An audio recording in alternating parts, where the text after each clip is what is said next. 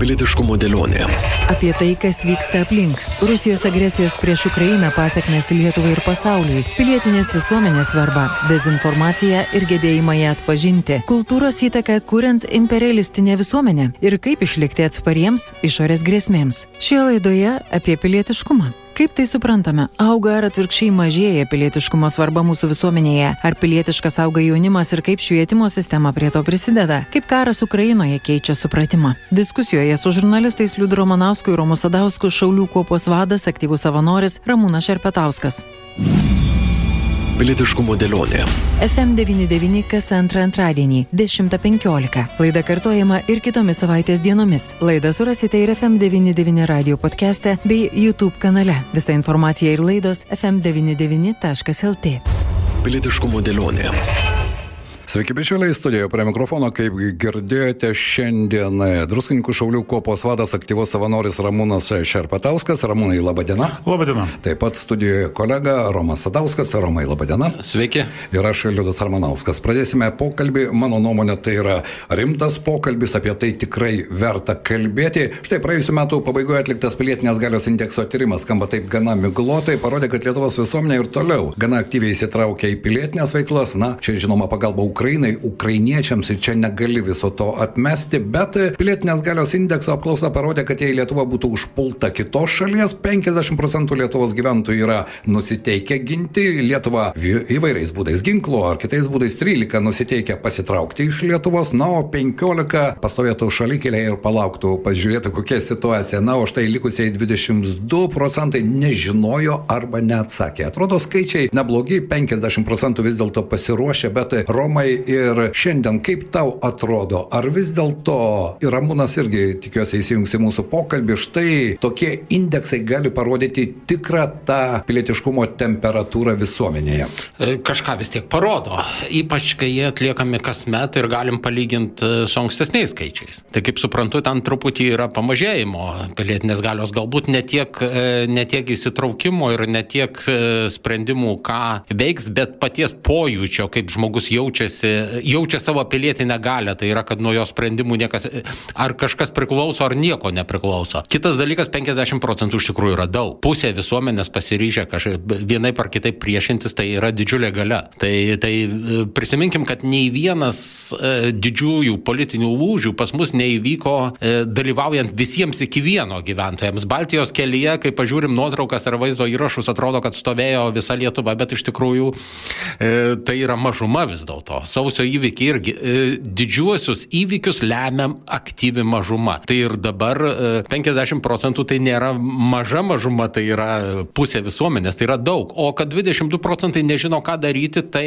pripažinkim, mūsų visuomenėje yra nemaža dalis žmonių, kurie nežino, ką daryti ne tik ekstremalioje situacijoje, bet ir kasdieniai situacijoje. Ta prasme, tada už naujo kiekvieną kartą žiniasklaidai reikia priminti, kad padangas pasikeis ten rudenį ir pavasarį, ar, ar per karštį nestovėt plika galva galvą e, saulės atokaito ir taip toliau. Tokių vakar gimusių žmonių aš vadinu vakar gimusiais tą kategoriją, kuriems e, kiekvienas e, žiemas sniegas taigmena ir vasara lietus, tai, tai jų yra ir niekur nesidėsim. Mes tokia, tokią visuomenę išsiugdėm, tokią ir turim. Beje, suvokti tai, kad pilietis ir valstybė vienas kito atžvilgių turi ir pareigų, ir teisų, ar ne? Štai, Ramūnai, o kaip tavo nuomonė, tokie reitingai ir tokios apklausos. Ką jos sako? Aš vis dėlto galvoju, kad tai yra tikrai neblogi skaičiai, nes prisiminkime pokarį ir net ar partizanį pasipriešinimą laisvės kovas. Tai jeigu analizuojant, mes matome ten gerokai mažesnius skaičius, ar ne, tai aktyviai priešinosi okupacija apie 20 procentų, ar ne, ten dar kažkur apie 15 procentų pasyviai priešinosi, o likusi dalis, reiškia, kažkas kolaboravo, kažkas tiesiog pasyviai stebėjo iš už kampo, ar ne, kuo čia viskas baigsis ir į kurią pusę pakryps. Tai šiandien matant tos 50 50 procentų pasiryžusių vienai par kitaip stoti šalies gynybą, tai mane asmeniškai tai džiugina tokie skaičiai. Aš norėčiau, Ramūnai, tavęs asmeniškai paklausti, kada tu supratai, kad pilietis ir valstybė tai yra ne tik teisės, bet ir pareigos, tai irgi labai svarbu. O, čia turbūt reikėtų pažvelgti truputėlį atgal ir turbūt, na, gal kokius 91 metus, kai man buvo 11 metų. Tai būtent tie sausio įvykiai man turbūt padarė didžiausią tą gyvenime posūkį e, supratime, ar ne, kas aš esu, kas man yra šita valstybė. A, vėliau 96 metais, 17 metų tapau karių savanoriu a, ir tai buvo mano pagrindinė turbūt svajonė nuo 91 metų, ar ne, tapti karių savanoriu, ginti savo šalį ir kad nepasikartotų tai, kas atsitiko 91 metais. Tai man tas supratimas, suvokimas a, apie tai, kas aš esu, kas man yra valstybė, koks yra mano santykis su valstybė ir kokios yra mano pareigos visų pirma, ar ne, nes, na, apie teisės gal reikėtų mažiau kalbėti, daugiau reikėtų kalbėti apie pareigas. Ir kaip ir sako Konstitucijos 139 straipsnis, ar ne, tai yra šalies gynyba nuo užsienio ar vidaus agresijos, užpulimo, yra kiekvieno šalies piliečio teisė ir pareiga, bet aš tą žodį teisę turbūt išbraukčiau a, ir būčiau linkęs palikti tik pareigą, nes tai yra mūsų pareiga. Na štai, mes visi puikiai žinome savo teisės, bet kartais pamirštame tas pareigas. Vis dėlto, Ramūnai, tavo asmenis 11 metų, kas lėmė? Aš suprantu, kad tuo metu įvykiai, jie veikia visą visuomenę, ne visi, kaip Romas sako, aktyviai dalyvavo, bet kiek tame yra šeimos vaidmens ir kiek yra to sociumo, mokyklos, bendruomenės vaidmens, kad štai tavo gyvenime tai buvo labai ryškus lūžis?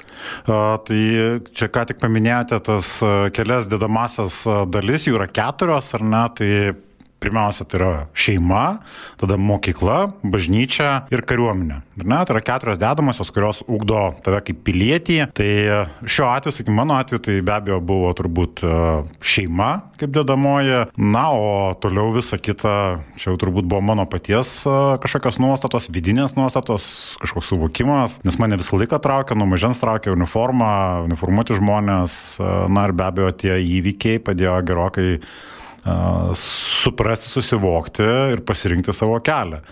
Šiandien norėčiau Romai ir Ramūnai pakalbėti apie mokyklą, apie švietimą, nes pilietiškumas šeima, po to mokykla.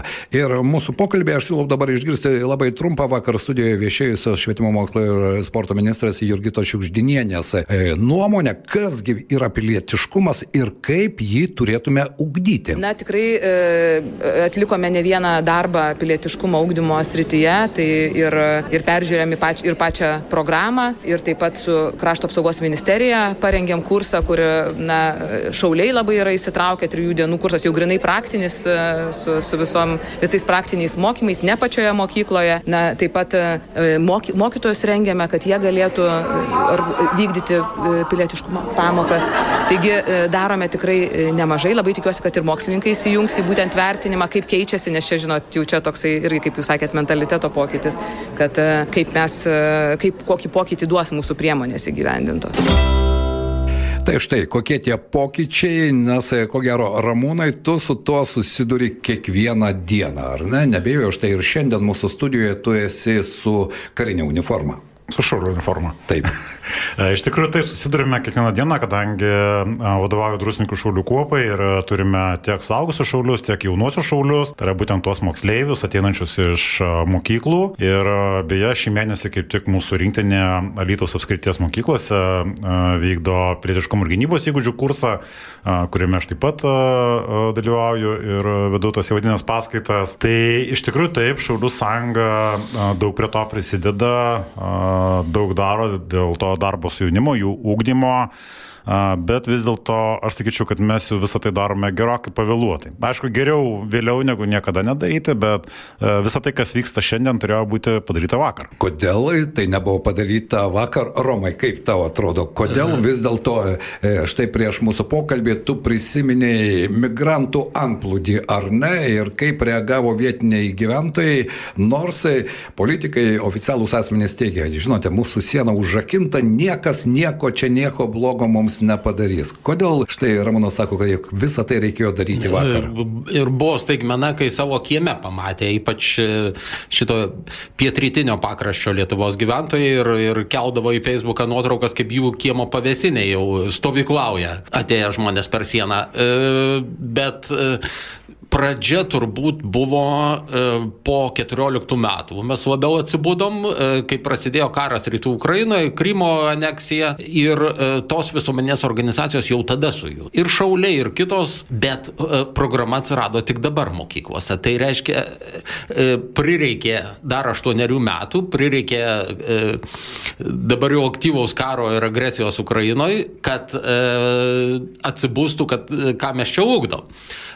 O rezultatus mes pamatysim iš tikrųjų, kiek, kiek tos programos parengtos kokybiškai, vėlgi po dešimtmečio, po dviejų dešimtmečių, kai jau dabartiniai e, tose pamokose dalyvaujantis mokiniai jau mokys e, kitą jaunimo kartą. Ką iš to išugdysim ir kiek, kiek ateis savanoriai į kariuomenę, kiek ateis į tas pačias visuomenės organizacijas šaulius. Ramūnai, tenka su jaunimu, minėjai, tu galima sakyti, esi tos srities ekspertas, taip galėčiau tave pavadinti. Kokia yra jaunų žmonių reakcija į tas pilietiškumo pamokas, kurios, na, iki šio laiko tai būdavo, kas gali pilietiškumo pamokas pravesti. Vis dėlto tai būdavo tos pačios mokyklos e, e, mokytojai. Man atrodo, kad čia turėtų kalbėti tie žmonės, kurie iš tikrųjų puikiai tai supranta, kurie turi kompetenciją, o svarbiausia, turi norą tą, tas žinias perteikti tam jaunam žmogui. Tai visiškai su sutinku ir, sakykime, šiandien mes turime tikrai pakankamai daug atsargos karių, karininkų ypatingai, ar ne, kurie dėja, bet dėl kažkokių priežasčių nėra įtraukiami į šitą procesą. Nors jie tikrai galėtų e, būti darbinti tose pačiose mokyklose, ar ne, galų gale kviečiami tiesiog kitas mokyklas vesti pilietiškumo pamokas a, ir, ir tos pačius e, gynybos įgūdžių a, tą kursą, ar ne, ir jis turėtų, na, galbūt būti ne kartą per metus, o dažniau, gal du kartus ar ne, padaryti, pavyzdžiui, rudenį, pavasarį tą dalyką ir tai daryti ne dėl varnelės popierio ar ne, kad yra įvykdyta, o realiai. Be abejo, tas šiandien vyksta ir šiandien vat, vykstantis pilietiškumo ir gynybos įgūdžių kursas, kaip ir buvo paminėta, jis vyksta ne tik mokykloje, yra organizuojamas ir žygis, yra duodamas užduotys tam tikros. Su moksleivis yra kalbama būtent apie pilietiškumą, kas tai yra, koks yra mūsų identitetas ar ne, kuo mums yra svarbi mūsų valstybė, mūsų valstybės simboliai, ar ne, kiek už juos yra sumokėta ta laisvės kaina. Ir iš tikrųjų Mane truputėlį stebina kartais toks dalykas, kai tų pačių jaunuolių, devintokų, ar ne, turiu pakankamai didelių vaikų, uh, uždavus elementarius kartais klausimus, uh, stoja nejaukį tyla. Nors atrodo, kad į tą klausimą atsakymą jūs turėtų žinoti jau nuo pirmos klasės. Tai, na, kartais man kyla tokių klausimų, tai tada ką jie veikia per istorijos pamokas ar ne, apie ką jie kalba ir, ir kas yra dėstoma. Tai kartais kyla tokių klausimų iš tikrųjų, bet šiaip jaunimas pats gana žingydus, iš tikrųjų nemažai šaulių yra būtent tarptų vaikų, kurie dalyvauja šioje programoje. Sakykime, kartais gali būti, na, 15-20 procentų, kartais 50 procentų mokinių yra būtent jaunieji šauliai. Tai tas tikrai džiugina. Na, jeigu prisiminti nesenus įvykius ir aktyvę karo, Rusijos karo Ukrainoje fazę, ar net ten buvo milžiniškas norinčių tapti šauliais, tai toks sprogimas, taip galima pavadinti.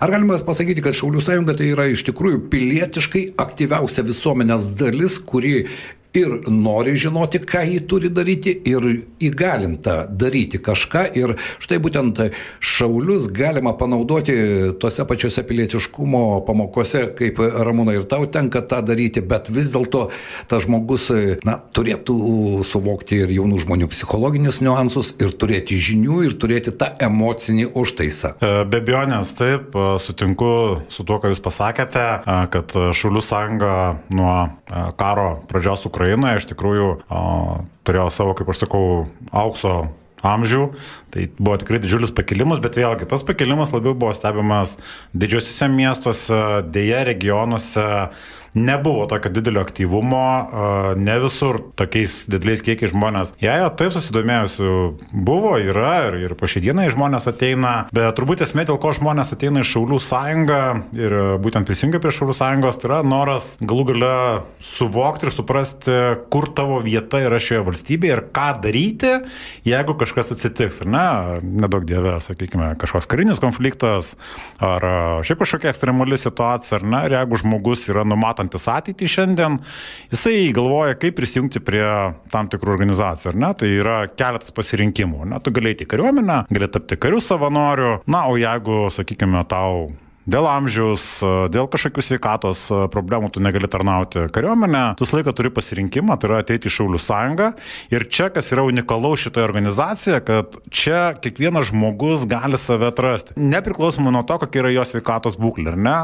Gali būti kinetinis šaulys, ar ne, tai yra ruoštis ginkluotai krašto gynybai, gali būti nekinetiniai šauliai, tai yra dezinformacija, propaganda, būtent jos išaiškinimas internete, ar ne, blokavimas ir, ir, ir panašiai panašiai. Tai čia žmonės būtent šito organizacijai atranda save, dėl to jie ir jungiasi turbūt. Tai pamatau mūsų buvusi, e, buvusios laidos vienos iš nesenų pašnekovą e, Mindaugą Lapelę, daktarą iš Merkinės su šaulio uniforma ir uosdelė pasiramšiuojantį, tai suprantu, kad iš tikrųjų gali, gali atrasti labai skirtingo amžiaus ir skirtingos e, sveikatos žmonės. Taip. Romai, bet štai Ramonas paminėjo, jog vis dėlto tas norinčių žmonių įsitraukti į Šaulių sąjungą skaičius didmešiuose ir periferijoje, taip aš pavadinčiau rajoninės vietos vietovės e, vis dėlto skirtumas yra gana didelis. Tau atrodo, kodėl? E, pirmiausia, e, periferijoje, rajonų centruose Šaulių sąjunga šio amžiaus pradžioje pačioje buvo virtusi tokiu um, pensininkų būreliu kuris kartais pastovėdavo bažnyčioje per valstybinę šventes ir tuo veikla baigdavosi ir turėjo pasisiuvę uniformas, pripažinkim. Ta banga didžiuosiuose miestuose prasidėjo vis dėlto nuo žymių žmonių įstojimo. Televiziniai veidai, e, socialinių tinklų žvaigždės, žmonės, kurie yra žinomi ir kurie yra autoritetai jaunimui, nuomonės formuotojai, galima sakyti, jie įsitraukė ir paskui juos e, tai tapo kažkuria prasme madinga veikla. Ne visi ieškojo iš tikrųjų, kaip save realizuoti, kai kurie tiesiog e, kartu su bendramžiais atėjo, bet jau ten gavo savo žinias ir gavo tuos įgūdžius, kurių daug dievė, kad jiems niekada neprireiktų. Bet e, provincijoje ta įtaka šiaip ar taip yra mažesnė. Galbūt jie e, truputį kitokia, e, kitokiuose informaciniuose burbuluose gyvena, e, šiek tiek kitos televizijos kanalus žiūri ir e, labiau atitrūkia ir mažiau paveikia. Tai, va, tai yra grinai poveikio klausimas. Pilietiškumo dėlionė. Na štai, kalbant apie poveikį ir kalbant apie asmenybės, tame tarpe ir regione. Ramūnai, jauti, jog, na, vieno ar kito regiono asmenybės, jos iš tikrųjų gali daryti tą poveikį ir jaunai kartai, aš nesakau, kad jie bus jų sekėjais, bet vis dėlto tas pilietinis autoritetas, mano nuomonė, kiekviename miestelėje, kaimelėje, mieste, jis vis dėlto turėtų būti. Kaip tau atrodo? Be abejo, sutinku su tuo, iš tikrųjų, nes a, šiandieniniam a, piliečiui piliečiui, jaunuoliui galų gale, tai pripažinkime, jog autoritetas yra kažkokie žinomi žmonės, ne, jų nuomonė ir jie seka paskui juos. Tai be abejo, jeigu jie prisijungia prie mūsų organizacijos, akivaizdu, kad toje vietovėje prisijungs daugiau žmonių, nes jie iš pradžio ateis dėl to, kad ten yra tas žinomas asmuo, nuo vėliau jie ten jau be abejo suras save. Ir aišku, reikia pripažinti ir tą, kad dauguma atėjusių žmonių, dalis iš jų nubyra, sakykime, iš pradžio ateina vedini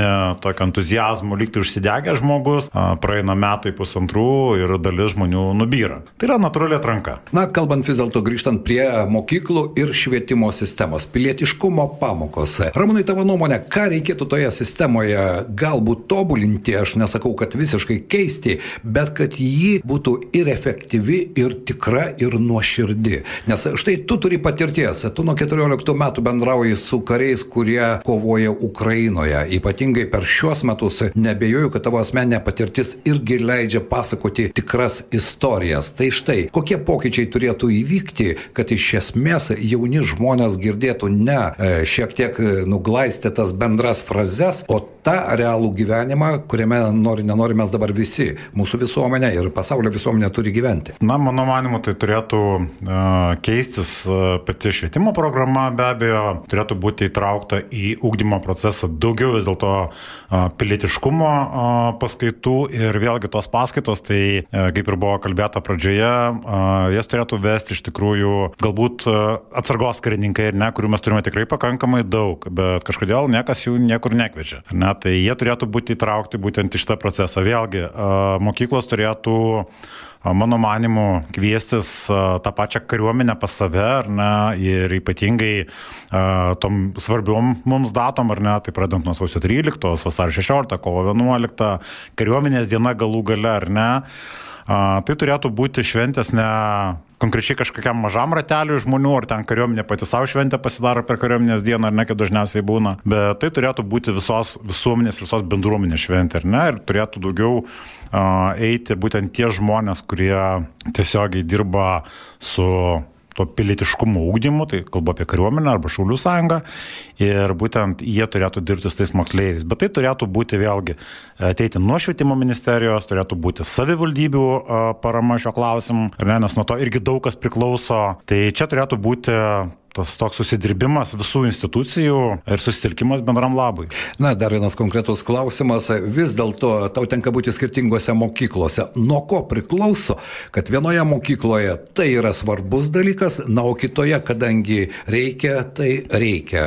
Čia turbūt įtaka didžiulė daro tai, kad, tarkime, vienose mokyklose nemažai pedagogų yra prisijungę prie Lietuvos Šaulių sąjungos, netgi mokyklų vadovai yra prisijungę prie Šaulių sąjungos ir be abejo ten ten pilietiškumo, patriotizmo ūkdymas yra pažengęs truputėlį aukščiau. Kitur, kur to nėra, sakykime, kur į, į tokius dalykus yra žiūrima tik formaliai, sakykime, ar ne, kad, nu gerai, nuleido čia mums tą programą, reikia padaryti, nu gerai, mes padarysim.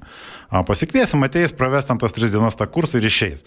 Tai va čia turbūt ir yra tas skirtumas, kodėl vienose mokyklose yra daugiau dėmesio tam skiriama, kitose mažiau. Romai, kiek mes, kalbant apie pilietiškumą ir pačių savęs suvokimą, ar ne to pilietiškumo, išnaudojame tą istorinį kontekstą, tame tarpe ir pokario kovas įvairiuose šalies regionuose, jos buvo vienur galbūt inirtingesnės, kitur galbūt tęsiasi kiek trumpiau, bet visa tai yra, nesurasi Lietuvoje ko gero nei vieno regiono, kuriame buvo visiškai tylu po karo.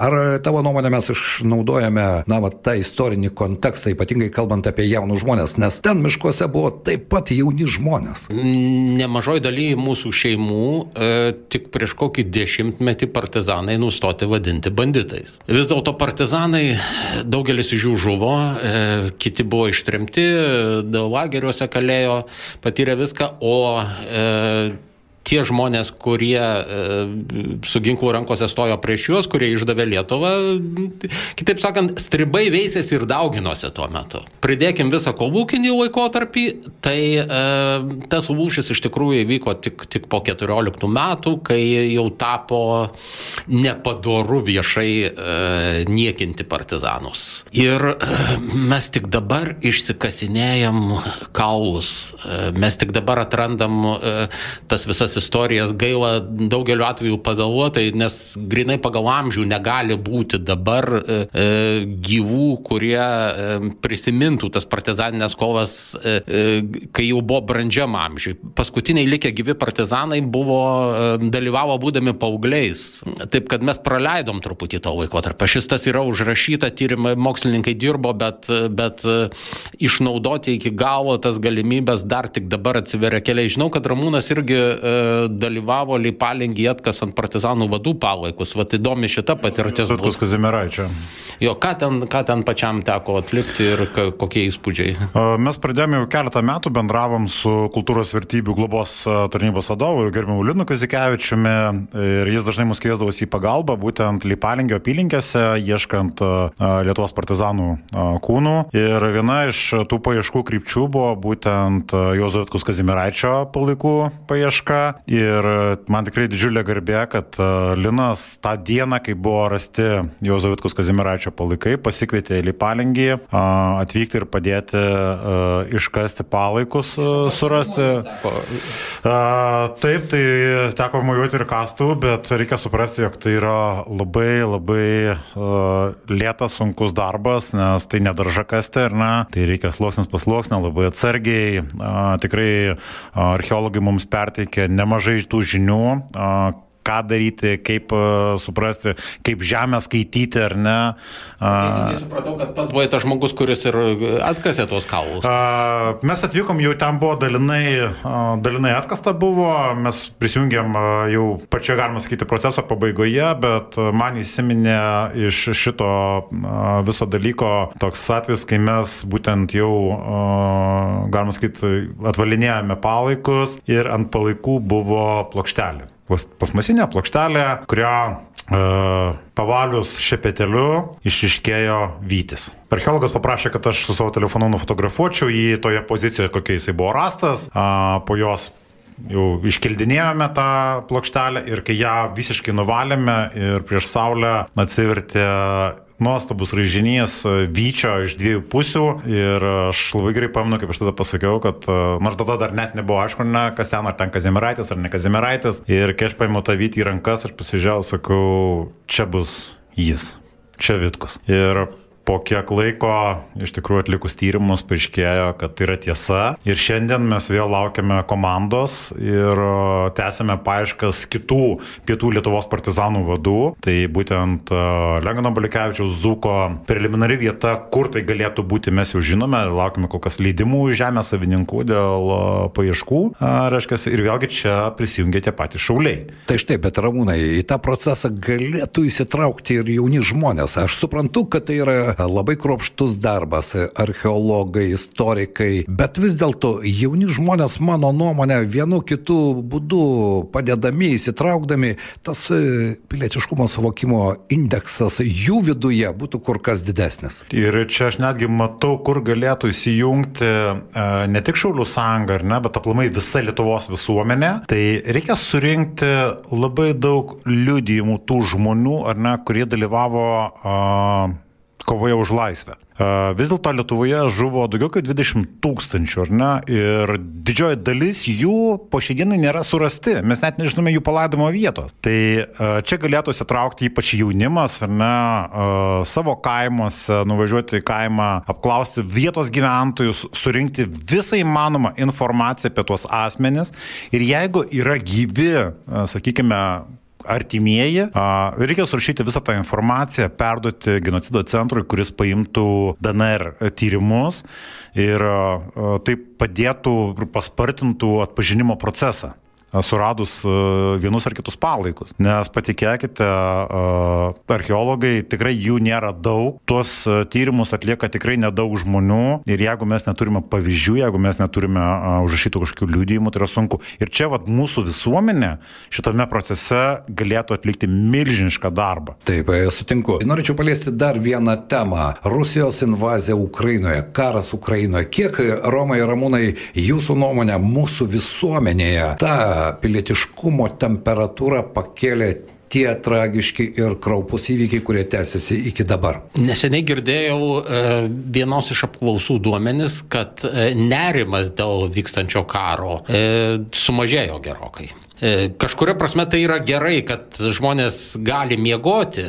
nes pradiniai toj stadijoje, kai mes tik tai kas keletą minučių atnaujindavom naujienų srautą ir, ir laukiam, kad kažkas įvyks arba labai blogo, arba labai gero, per metus išlikti toj būsenoje neįmanoma. Tai atsiranda nuovargis, ne tik tas blogąją prasme nuovargis, kai norisi užmiršti viską, bet ir, ir visiškai nesveikas nuovargis, kuris trukdo kitus darbus dirbti.